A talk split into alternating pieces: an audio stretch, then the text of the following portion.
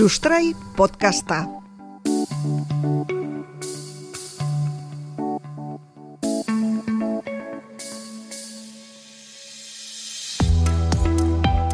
Klima aldaketa gure protagonista izango da gaurkoan elikagaien ekoizpena eta bueno, elikagai horiek gure gana iristeko duten kate osoari buruz hitz egiteko asmoa duen podcast batean, ba klima aldaketak protagonismoa izan behar du. Eta atal honetan maastiei lotuta hitz egingo dugu klimari buruz. Batetik asko eragiten dielako eta bestetik oso proiektu interesgarriak daudelako klimaren eraginak ekartzen digunaren aurrean maatxondoen ekoizpena egokitzeko. Hau da Sustrai podcasta eta ni Guillermo Roa, baina ez nago bakarrik.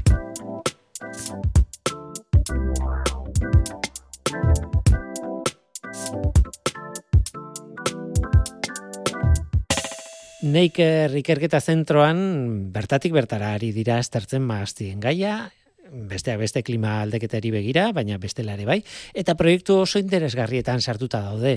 Horregatik ez nago bakarrik. Nirekin ana izpurua insausti dago, e, neikerreko ikertzailea eta neiker gainera nekazaritza ikerketa eta garapenerako euskal erakundea da.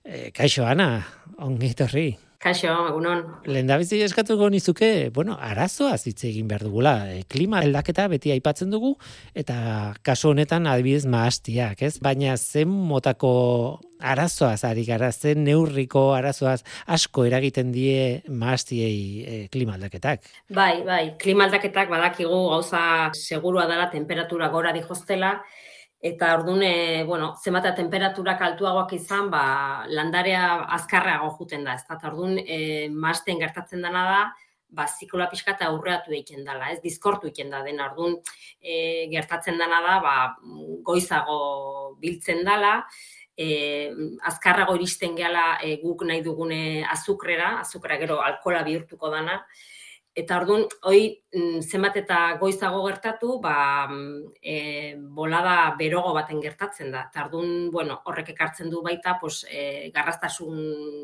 galtzea eta pixka kalidadea, bueno, kalidaden eragina dauka, ez? Eta orduan, bilatzen deuna da pixka bat, ba, ziklori e, luzatu, ez? Lehen gertatzen da bezala. Hori da nik esango nuke eragin importantena. Gero baitare, mm, naizta temperaturak e, badakigun joko diela, pues, prezipitazioan ez dago hainbesteko zalantza gehiago daude, baino mm, bai esaten bai ematen do ba ez diela prezipitazioak e, oain bezala sailkatuko eta ordun egongo diela euri gutxiago eta euri hoiek izango diela ba bueno zaparradak o euri bortitzakoak ez da ordun hor gertatzen dira baita gauza batzuk, e, bueno, ez daudenak e, zuzen elotuta matxarekin, baino bai inguru girokin eta lurrarekin, ez da eta hor eh, gertatu leike ba olako erosio arrisku bat eta bueno arazo hori bizkat larriagoa izan daiteke baitake aldakak eta klimatikoarekin. Nik esango nuke gainera gauza asko esaten direla mastiei buruz, e, hitz egiten da ardoaren kalitateari buruz, adibidez, e, oso ondo zehaztu gabe zer esan duen horrek, e, batzuetan, bueno, zuk aipatu duzu alkohol kopurua adibidez, e, baina bueno, beste faktore batzuk ere neurtu daitezke eta batzuetan esaten da bueno, soluzioak baditugula biztan eta aipatzen dira hainbat gauza, baina ez dakit zenbateaino diren errealak, adibidez, eh, aipatzen da maastiak eh, mugitu daitezkela tokiz, altueran gora eraman daitezkela, baina claro, hori batzuetan alda, beste batzuetan ezin da, eh, aipatzen da geografikoki aldatu beharko genukela landaketa, eh, bueno, eh, gauza esko esaten dira, ez? Bueno, nik uste eh, hori mm, mazti denak mendin jarri baino lehen, eh, tresna asko daudela horri eritxi baino lehen, ez? Ze bain, mm, hoi planteatzea, pues, da maztienak eioko ditugu un metro, ba, oi, egon behar da lekue, eh, bueno, eh, ez da inerresa hori, ez da, ez da, ez da inerresa lortzea lurra hor. Nik uste mm, dauden tokian utzitare, badauzkagula tresnak eh, aldaketa klimatikoari aurre egiteko. Hain zuzen ere, hori aipatu nahi genuen. Zuek mm, bitisat izeneko proiektu bat koordinatu duzuet, eskatuko nizuka orkestea proiektua. Estrategia berriak e, bilatzea da kontua, ba, klima aldaketak ekartzen duen erronkaren aurrean, ezta? Bai, hori da. Pixka bat, e, proiektu hau e, Europar Batasuneko Interreg Poktefa programak finantzatu du, e, eta bertan e, bos sozio aritu gara lanean, e, Nafarroako gobernuko ebena, e, Riosako gobernuko ICVV, e, gero Pirineo Atlantikoetako nekazaritza ganbara, e, Frantzian, eta IFV baita, Frantzia, Mastiaren eta Arduaren Frantziako Institutua, eta, bueno, taguneik errazti izan degela koordinatzaileak. Proiektu hau e, bukatu zen e, aurtengo maiatzean, horrek dune, bueno, ekitaldi bat e, laguardian dana emaitza guztik aurkezteko, eta, eta bueno, gure asmoa izan da, ba, denon artean e, estrategiak o nekazal teknikak e, e, Mm, probatu ikusteko ba gaigean e, aldaketa klimatikoari e, egokitzeko, ez mastia egokitzeko. Ez dira teknika berriak, baina bueno, bai denon artean probatu ditugu, ez, ez ditugu denak probatu teknika guztiak, baina baino bai teknika desente eta orduan ba bueno nik uste interesgarria dela ukitza benetazko datuak eta ikusi pos neurtu pixkat e, gauza bat erabiltzen badizu zu gertatzen dan eta bueno azken helburua da e, bueno egokitzea eta bueno ba, ikusi dugu posible dela pintzen. Interesgarria da oso gainera leku ezberdinetako jendeak parte hartzea, ez? Ez azken batean e, behar bada toki batean funtzionatzen ez duena beste toki batean bai edo e, behar bada bietokitan, baina nolabait e, ez duzu ikerketa gune bakarra baizik eta ezaugarri ezberdina dituzten hainbat gune, ez? Eta hortaz oso aberatsa da eta oso konparatzeko eta eta faktoreak e, bueno, nolabait aztertzeko oso modu egokia da, ez? Bai, oso egoki da, ze, klar, azkenen gauza asko probatu ditugu, eta, e, bueno, inorrez da gai gauza guztik eh, probatzeko batera, ze, bueno, pues, e, jende asko barko litzake. Orduan, badaude teknika batzu dana probatu ditugunak, beste batzu probatu dira bilekutan, baina, bueno, beti da interesgarria ikustea, ba, leku desberdinetan nola gauza bera, pues, e, nola, nola egokitzen dan, ez da? eta pues, eh, adibide modun, ba, pues, ba, probatu dugun teknika bat izan da, bueno, sarearen erabilera, eh? E, guk ez dugu probatu, baina beste sozio batzuk bai, orduan, pues, da sareak ipini, eta horrek iten da pixkat e, itzala eman, eta mordoa babestu, eta orduan mordaren temperatura jisten da, eta, eta bueno, ikusi dugu ba, leku oso beroetan, sarea gai izan temperatura jisteko, baina batzutan, igual Frantziako parten, ba, egun batzutan temperatura ba, zanen, ba, sare horrek temperatura jetxi beharren nio ikentzon pixka, zeti mordoa ba ikentzon. Bueno, ardu norlako gauzak e, ikasteko, pues, e, ondo tortzen da, ba, leku desberdinetan ikusi, eta horrela, pues, hobetu lertzen ez pasatzen dan, eta gero zuke ba zure eguneroko gauzetan e, erabaki hartzeko ba beti hobeto hobeto ingo dezu, ezta? Mahats mordoaren temperatura murriztea e, gakoa da, pentsatzen dut, bueno, eltze prozesuan edo dagoelako gakoa, ez? Eh, horre, hor, mm, pixka bai. gradu batzuk igoala, bueno, ba, eskarrago helduko dira, edo, edo nola funtzionatzen dugu gutxi bera bera? Bai, alde batetik hori da, horrela, lehen esan dugun, hasieran esan dugun, e, zikloa nola e, bizkortzen dela, pues horrek egiten duna pixka bat ba, frenatu ez, e, temperaturak e, jetxiala, postikloare mm, frenatu egiten da pixka bat, eta horren bilaga biltzez.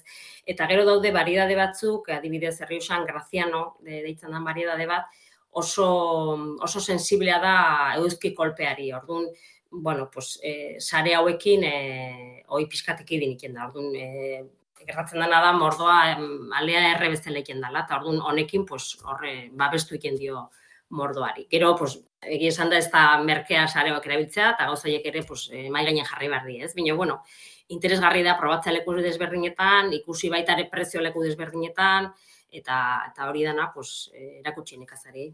Masti bat oso handia izan daiteke.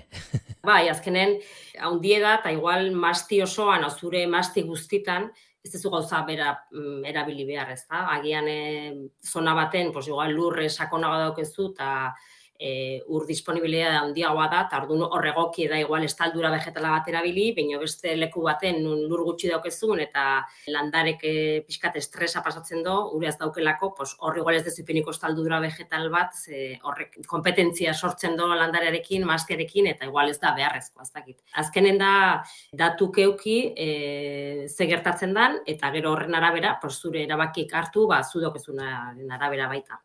Adibidez, beste kontu bat e, aztertu duzuena, eta, ah, bueno, kurioso egin zait, inausketa dataarena, ez? Atzeratu esaten zenuten. Ez zergatik atzeratu behar da inausketa data?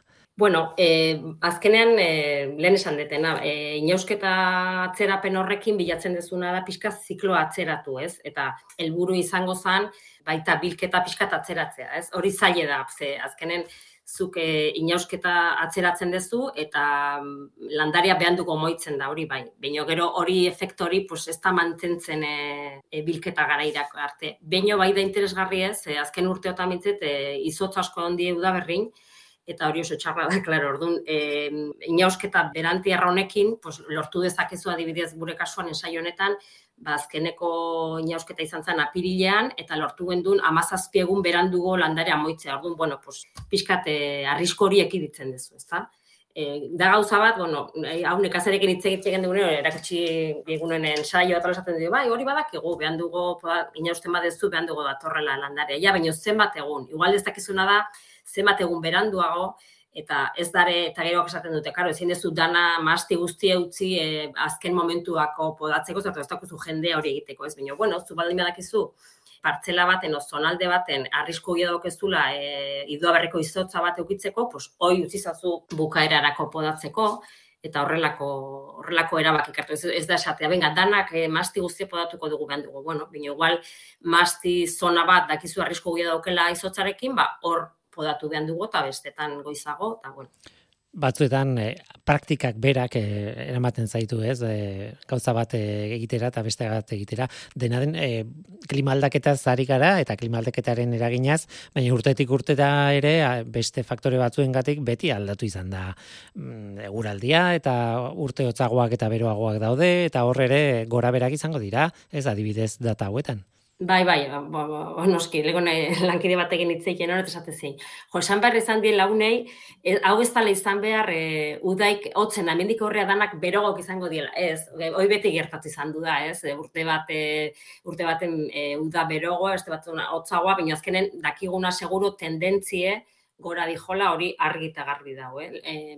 Adibidez, e, hemengo datukin, euskadiko datuekin, irurogeita amaika urtetik e, 2008 arte, uste temperatura igo dela bat koma bi. Osa, markadako 0,goita grado iotzen da temperatura. Hori horrela da. Naiz ta urte bat hotzagoa izan eta urrengoa berogoa. Hori pixka tendentzia gora dijola, hori hori argi dago, ez da zalantzarik. Bueno, probatu duzuen beste kontu bat da landare estalkiak erabiltzea. Zer esan edu horrek? Nola funtzionatzen du horrek? E, bueno, landare estalki izango zen, e, bi matxondo hiladan arten dagon kalea ditzen zaiona, pues, e, landarekin oki belarra, edo zukara garra edein, e, zerbait euk, ez. Hori e, txakoli mastietan beti horrela manejatzen da. Bino, herriosako parten eta leku lehorragotan, ba, ez da hola mantentzen normalean, ze, karo, zu, mm, beste landare badaukezu mastiakin batera, ba, landare honek mastiarekin e, kompetentzia sortzen du uragatik eta nutrientegatik eta ordune horregatik ez da asko erabiltzen. Bino, hasiera esan dudan bezala, ba hau proposatzen dugu ze igadora ekiditzeko oso oso efektiboa da eta mm, ez proiektu honetan beste proiektu baten neurtzen ari gara eta adibidez e, urte baten e, ez dagoenan estaldura vegetalik hain tona e, lur eta erako galtzen, galduko lirateke e, igaduragatik. Bueno, partzela aldapatxu baten eta horrela. Eta estaldura vegetela ipintzen dugunean, ba, galera bakarri dira bi tonakoak. Orduan, alde horretatik oso, oso tresna ona da, pues, igadura ekiditzeko. Beino, esan dudan bezala, pues, kompetentzia dago landarearekin, eta, bueno, landarea gutxigo azten da, mastia gutxigo azten da, eta gutxigo produzitzen do, eta ardun hori ere neurtu behar da, eta ikusi behar da, ba, esateko ba, betu.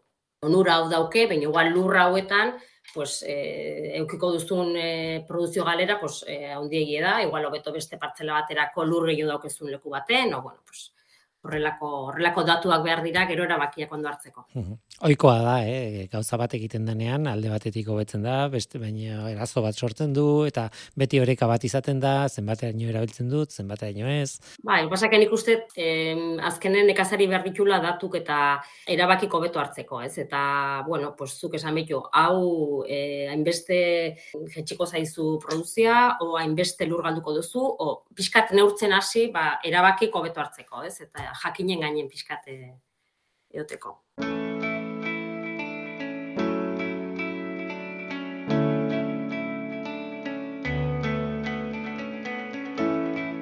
Ikerketa honetan ekoizle asko kartu dute parte Arabar Herrioxan bederatzi upeltegi. Ostatu, Elmozo Wines, Maixulan, Biñartuke, Bodegas Gilberzal, Tierra, Bodegas Pavoni, Laukote eta Bodegas Candido Besa. Bizkaian berriz, txakolina ekoizten dituen itxasmendi upeltegia eta zailako frutagintza estazioa, upeltegi esperimentala. Gainera, abilio izan ekazariak ere hartu zuen parte. Bueno, batzutan e, saiakerak egiten beraiekin, e, pixkat interesa zeukaten gauzekin, eta beste batzutan, pues, e, olako aktibidade, ez dakit nola esan, e, divulgatzailekin, ez dakit, bas, igual esplikatu ze lur analitika, nola inberdan orgariztapena, o nola hautatu material vegetala, olako aktibidadek, ez, baina bai, ba, igual, amar, amabi bodegekin indeulan, eta hola upategi txikiak dira, baina bueno, pues goga daukatena gauzak egiteko taola eta oso or, alde horretatik oso aberasgarri izan da. Bai, eta ikusi dugu, pues bueno, eak ere preokupetatu daudela, e, bueno, aldaketa klimatikoarekin eta oso aberasgarri izan da aldiz laborategiaren barruan egin duzuenaren artean, bueno, e, gauza asko egingo zen ituzten, baina, bueno, adibidez, e, deigarria da, e, aldakortasun genetiko aztertu duzuela. Bueno, gure kasuan, e, bueno, proiektu barruan, e, material vegetalakin e, lan atal desberdina bezala egon dira, guk egin deuna da, gehien bat da, e, mastizarretan, e, dago material interesantea, ze, bueno, aldakortasuna importantea da, e, azkeneko urtetan mazti asko aldatu dira klon batekin, eta dun pixka variabilidade hori galdu egin da, baino mazti zarretan handio, bueno, pues, e, gordeta daukagu, ez? Eta ardun, mm, hori upategikoak eta mazti zainak eta badakite, eta ardun interesa hori daukate pixkat hori gordetzeko. Eta ardun, egin duguna da, agian pixka lagundu beraiei, e, bueno, pues, e, nola egin behar duten prozesu hori, ez? E, eak aukeratzen dute materiala gustatzen zaiena, eta gero guk e, analizatzen dugu e, ikusteko material hori osasuntxu dagoen ez daukela birosisik eta ez daukela gaiztik eta ikusten dugu. Orduan, sano dagona, ba, gero pixkateak nahi badutu beste leku baten aldatu, ba, bueno, erakutsi nola egin, markatu gero jakiteko material hori horri pixkat e, pista jarraitzeko eta esateko behitu, ba, matxondo honetatik zetozen pujak, ba, behitu ze ondo duten hemen, o, bueno, hori dana pixkate organizatu eta ondo, ondo markatu, ba, gero ikusteko nola, nola dijon asuntoa. Eta, bueno, e, azken finen da, daukagune aldakortasuna, pues, gorde, hori pues, bestela azkenen badaude kartzela oso zarrak eta oso interesgarriak, ba, gaitze jota azkenen pues, bukatu diko dienak eta pena da hori galtzen. Bitizat proiektua izan da, eta galditu behar dizut, ea, ez emaitza guztia kontatzea, ze oso oso gauza zabala da, baina, bueno, e, pozi gelditu zareten lortutako emaitzekin. Ze gauza asko aster daitezke, baina horrek ez du esan nahi, emaitzak emango dituenik. Kaso honetan, e, esperientzia ona izan da, emaitza onak eman ditu, pozik zarete. Bai, nik uste, bai ez, pozik gaudez, e, bueno, e, asko zabaldu ditugu emaitza, jende asko kenin deulan, eta, bueno, e, nahiko genduke lanean jarraitu, eta horretako berriro saiatuko gara poktefa deialdi horretan, eta, bueno, azkenen netzako importantea da, e, esatea ez dagoela soluzio magiko hori, situazio guztietan erabileikena, baina tres nasko daudela aldaketa klimatiko hori aurre egiteko, eta igual teknika bate balio du leku baterako eta beste baterako ez, baina bueno, piskatori behar duguna da e, datu gehiago eta fundamentuzko saiakerak egin, er, errepikapenekin eta denbora luzera uten dutenak eta eta horrela pues, datu hoiekin pixka bat, nekazeri mm, erabaki honenak hartzen lagundu pixka bat. Eh? Eta, bueno, prozeso guzti honetan, e, bueno, mastizainena ahotsa eta laguntza, pues, e, funtsezkoa da, hori hori horrela da, ze, bueno, azkenen gauza probatzeko ere, bueno, eak adoso bar dira, o, ikusi behar dute pixka bat, zer, zer probatu behar dugun, eta, eta zer probatu nahi duten beraiek, eta horrela gero baita ere, pues, eh, emaitzak eh, jasotzeko pues, eh, prestagongo dira, eta, eta bueno, nik uste proiektu enten hori nahiko landu dugula, eta, eta politia eta da. Bai, eta lan nik ez zaizu faltako etorkizunean ere. Ba, naiz burua insausti, eh, neikerreko ikartzailea, eskerrik asko gurean izateagatik, eta zorte hon ikerketarekin. Eskerrik asko zuei, agur. Klima aldaketa eta maastiak gai interesgarria. Eskerrik asko hor egoteagatik urrengo atalean jarraituko dugu sakontzen podcast honen sustraiekin. Bitartean, ondo izan, agur!